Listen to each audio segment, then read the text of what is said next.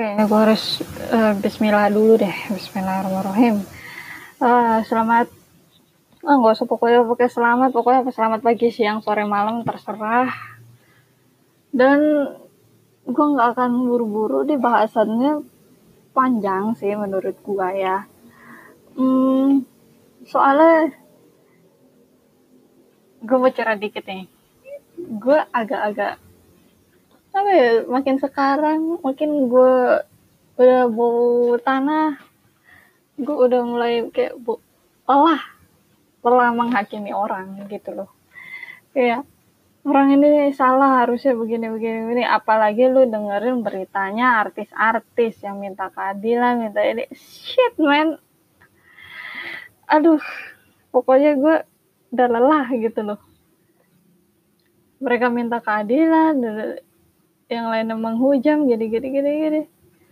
Buat apa sih kayak gitu loh. Jadi dari situ gue ingin membahas tema yang gue kasih nama abu-abu grey. Dan kenapa gue tertarik dengan abu-abu ini? Jadi pertama dulu beberapa tahun yang lalu ya gue baca novel. Ya you know lah penulisnya aja di Lestari novelnya pokok eh, novelnya namanya Supernova. Kesatria Putri dan Bintang Jatuh. Gue suka novel itu. Dan hmm, membuat su suatu karakter yang ada di zona abu-abu. Dia tidak menghakimi dia tidak menggurui. Pokoknya gitu. Kalau misalkan orang itu uh, ingin saran ya dikasih gitu loh. Dia nggak menyuruh orang terlalu gimana gitu. Pokoknya di sana abu-abu dia nggak menghakimi dia nggak mendukung pokoknya gitu. Tokohnya adalah bintang jatuh itu sendiri. Dan gue sangat cinta sama karakter itu ya Allah. Sekarang gue jatuh cinta sama karakter itu. Nah dari situ setelah membaca itu gue makin tersadar tersadar ternyata apa yang gue lakukan dulu-dulu sampai sekarang ya itu. Ternyata gue ada di zona abu-abu itu. Dan gue di zona abu-abu adalah yang tidak menghakimi tidak menggurui dan tidak memihak gitu loh. Dia hanya kayak memberi saran aja gitu loh. Orang minta kayak gini ini sarannya gimana? Kita kasih suguhan negatif positifnya keputusan ada di mereka semua gitu loh. Gue ternyata dari dulu ya Allah gue kayak begini ternyata. Dan sampai sekarang gue lestarikan sikap seperti itu. Dan kemudian apakah gue menentang hitam dan putihnya dunia? Hmm, menurut gue sih tergantung sih kasusnya kayak bagaimana. Gitu kita nggak bisa menyalahkan seorang pelacur yang digerebek Satpol PP seperti hal itu. Salah dia apa? Menjual liang senggama. Sebenarnya kan prostitusi adalah pekerjaan salah satu pekerjaan tertua sih di dunia begitu loh. Ternyata kerja menjadi seorang prostitut itu butuh keberanian yang tinggi. Dia menurut gue mampu sanggup uh, menampung hina yang begitu dalam dibanding kita. Gue yang perempuan aja gue nggak sanggup gitu loh. Dulu gue pernah menghakimi bahwa pelacur itu adalah pekerjaan nista yang hina dina gitu tapi selanjutnya gue mikir gue bisa nggak ya menampung hina dina sedalam dia gitu? Dan ternyata gue nggak bisa nggak bisa seperti itu gitu loh. Dan misalkan oh iya gue juga merasa bahwa buat apa sih ya? Prostitusi itu sampai dibegituin gitu sampai digrebek-grebek-grebek gitu kayak satpol pp itu menurut gue kayak orang bener aja gitu. Padahal dia juga butuh kesenangan di bawah ya kan? Kesenangan di bawah itu dengan punya istri atau punya suami ya kan? Jadi ngapain lu kayak merasa paling bener? Gue merasa kayak gitu sih rasanya gitu loh. Sedangkan si pelacur ini kan juga butuh makan emangnya negara ngasih dia makan? Enggak kan malah kita ditarikin pajak tiap tahun dulu kan? Kalau nggak tiap bulan kalau pekerjaan yang nggak tetap. Gue merasa bahwa ah iya bener juga gue nggak akhirnya gue memutuskan untuk tidak menghakimi segala sesuatunya hanya dari sisi gue aja harus segala sisi yang lain gitu menurut gue seperti halnya eh, pernah ya? Oh semalam sih adik gue sih ngajak gue diskusi kayak gitu. Ada suatu kasus di mana orang kecela orang ini kecelakaan nuklir gitu loh ledakan nuklir. Dan lukanya sangat parah gitu loh udah nggak ada harapan untuk hidup. Dan si korbannya ini yang kena ledakan nuklir ini berharap mati. Begitu juga keluarganya gitu. Tapi si dokter ini nggak demikian. Malah menghidupkan tanda kutip ya menghidupkan kembali gitu loh. Kulit ditransplant habis itu uh, pernah uh, detak jantungnya berhenti udah dikira mati hidup kembali. Ya gue orang-orang menghakimi dokternya kejam apa gitu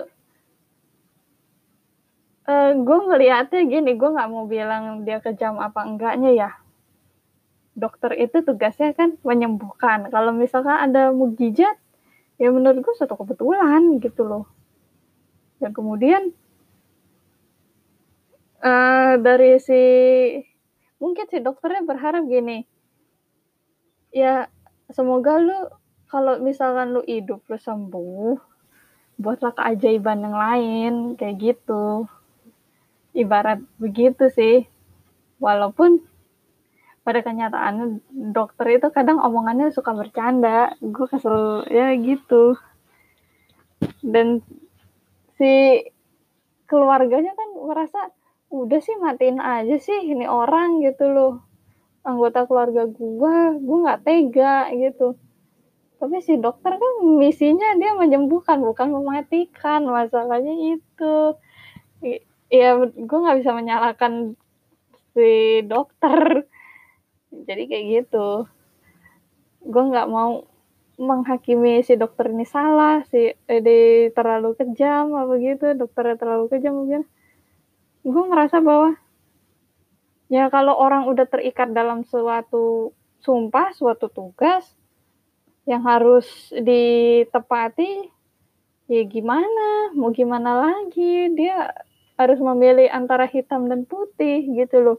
Sedangkan gue kan cuma pengamat, gue nggak bisa menghakimi, nggak bisa menginterupsi pemikirannya mereka begitu loh.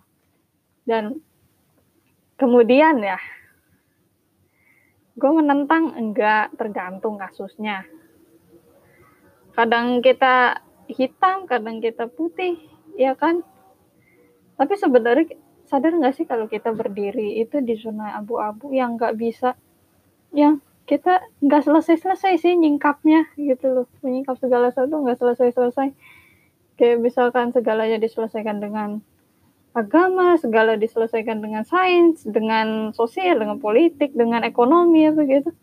Tapi ya semuanya saling bersinergi gitu loh. Tapi orang-orang merasa salah satu ini paling ber, ini paling ber, apa, berfaedah, paling berguna, paling bermanfaat lah gini-gini.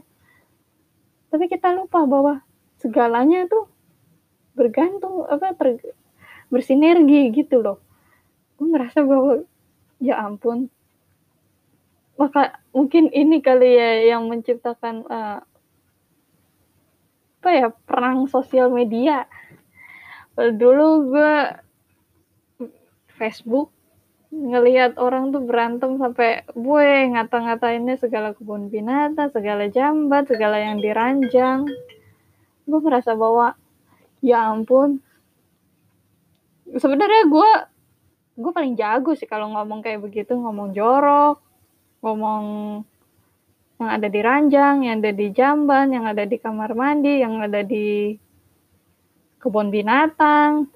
Gue jago juga gitu loh, tapi gue kayak buat apa sih gue capek-capek untuk membela suatu hal yang menurut gue mereka nggak butuh dibela gitu loh. Mereka nggak nggak peduli apa yang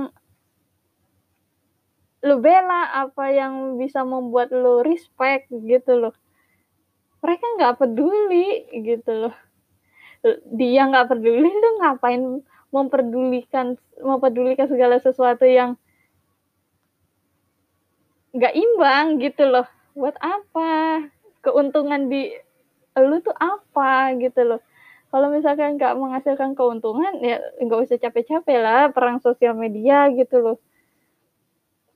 Dan gua akibat gue selalu menilai segala sesuatunya dari segala sisi akhirnya gue tuh dicap orang yang gamang. Temen gue ya kayak, kita ngobrolnya cuma lewat chatting ya karena temen gue ada di luar negeri gue di Indo kerjaan gue cuma garu-garu peler. Dan gue uh, apa ya menyangkut apa gitu pokoknya gue bahas. Oh, iya kegamangan gitu loh.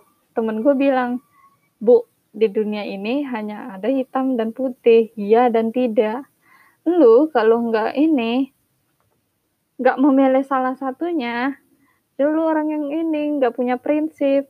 Lu orang yang nggak tegas atau segala gitu. Eh gue gue sampai dicap seperti orang yang gamang. Uh, apakah gue takut dicap gamang? Gue enggak enggak takut gitu loh.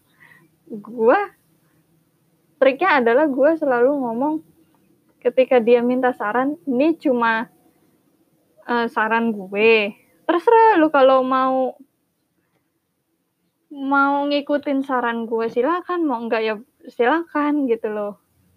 Jadi uh, gue kasih tahu positif negatifnya.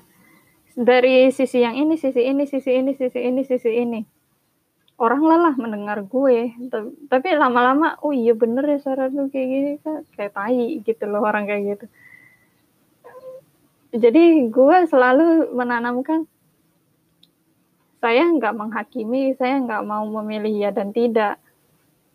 Tapi saya cuma ngasih kayak poin-poin aja, gitu. Tapi kalau Anda mau menuruti silakan, mau enggak ya udah, pilihan masih banyak kok kayak gitu. Tapi kalau dalam prinsip hidup gua ya iya, gue pertama ngeliat dulu mana yang baik, mana yang buruk. Setelah tahu gue lakukan gitu. Lakukan iya apa enggak, ya gue ngelakuin aja, gue nggak memperdulikan kata iya dan tidak itu, gitu loh. Masalah kalau kita peduli iya dan tidak itu malah kita jadi takut melangkah. Kadang suka melangkah kita senang melangkah tapi kelewat batas. Sampai kita jatuh ke jurang yang sangat dalam sampai kita nggak tahu lagi gimana naik ke jurang itu naik ke tepi jurang itu. Menurutku sih itu. Hmm. Habis itu apa dampaknya ya? Menurut gue dampaknya menjadi pendengar yang baik sih kalau menurut gue sih. Pendengar yang baik orang yang solutif gitu loh. Orang yang solusif ya. Karena gue lucu sih di dunia ini sih dia mereka semua membutuhkan solusi. Kita kasih ini solusi kayak gini-gini. Tapi bu, bu, gue bukannya menghina bukan didengar ya tapi malah dihujat habis itu. Kalau lu ingin cuma ngomong doang lakuin aja sendiri. Selalu kayak gitu kata-kata. Kayak itu suatu uh, template gitu loh. Gue ngerasa bahwa ya walaupun dia cuma omdo do omdo tapi kan dia punya dampak gitu loh dampak kecil yang bisa menjadi besar kenapa tidak gitu loh dampaknya kecil jadi kecil, kenapa tidak gitu loh. Ya dampaknya kita jadi dua hal itu, orang yang pendengar yang baik, solu, solusif, udah. Dan kita yang ketiga sih, nggak menghakimi segala sesuatunya itu terlalu benar terlalu salah gitu. Rasa nggak sih lu bahwa setelah menghakimi lu merasa paling benar? Atau lu merasa paling salah? Ya dan gue merasa bahwa hmm, mendingan gue ngasih solusi aja deh. Terserah dia denger apa enggak. Kan lebih kayak lebih enak begitu dibanding lu lu tuh harusnya begini begini lu harusnya begitu begitu. Lu jangan begini jangan begitu. Lu siapa? Apa lu yang jalanin hidup? Enggak kan? Kalau enggak lebih baik lu kasih saran yang baik gitu loh. Tapi ini menurut gue. Tapi kalau menurut lo tidak ya silakan. Kayak gitu kan enak gitu loh. Ingin membuat Indonesia menjadi nyaman dan santuy itu susah bre. Karena di sini jarinya pada tajam-tajam semua sumpah kayaknya nggak nggak perlu bawa pisau buat ngerujak sama teman-teman lo deh di rumah deh sumpah tajam-tajam Terus apa yang harus dilakukan? Ah, apa yang harus dilakukan ya? Ya udah, itu aja mendengar. Di situ menimbang baik tidaknya, ya lakukan aja. Kalau menurut lo itu baik, lo tahu dampak selanjutnya akan seperti ini, seperti itu, ya lakukan aja. Lo kan udah menghitung risikonya seperti apa, seperti apa kan, gitu loh.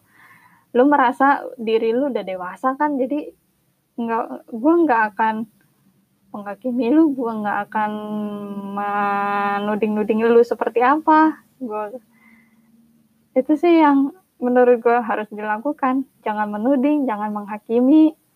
Dan juga dia rajin-rajinlah menimbang segala baik buruknya untuk diri lu. Itu aja sih. Dah udah 17 menit nih. Oke, demikian ya. Aduh, gue nggak tahu lagi mau ngomong apa. Sebenarnya pengen ngomong kasus anak yang kata di sawah besar itu, cuman gue gak butuh informasi yang lebih gitu loh. Karena di berita-berita banyak dia tuh lebih apa ya di dihakimi sebagai psikopat, sosiopat lah, inilah itulah. Gue nggak tahu istilah medis psikologi ya walaupun gue dulu pengennya jurusan psikologi tapi gue mikir bahwa gue orangnya temperamen gue nggak bisa sabar nggak sabar dengan orang yang melakukan kesalahan gitu loh. Ternyata yang salah dia gitu loh. Pengennya nyentak aja. Tapi akhirnya gue berusaha bermeditasi sendiri. Ya ternyata gue bisa jadi psikolog untuk diri gue untuk temen gue untuk orang-orang yang deket sama gue gitu aja. Jadilah dampak kecil aja deh jangan dampak gede berat oke sekian. Makasih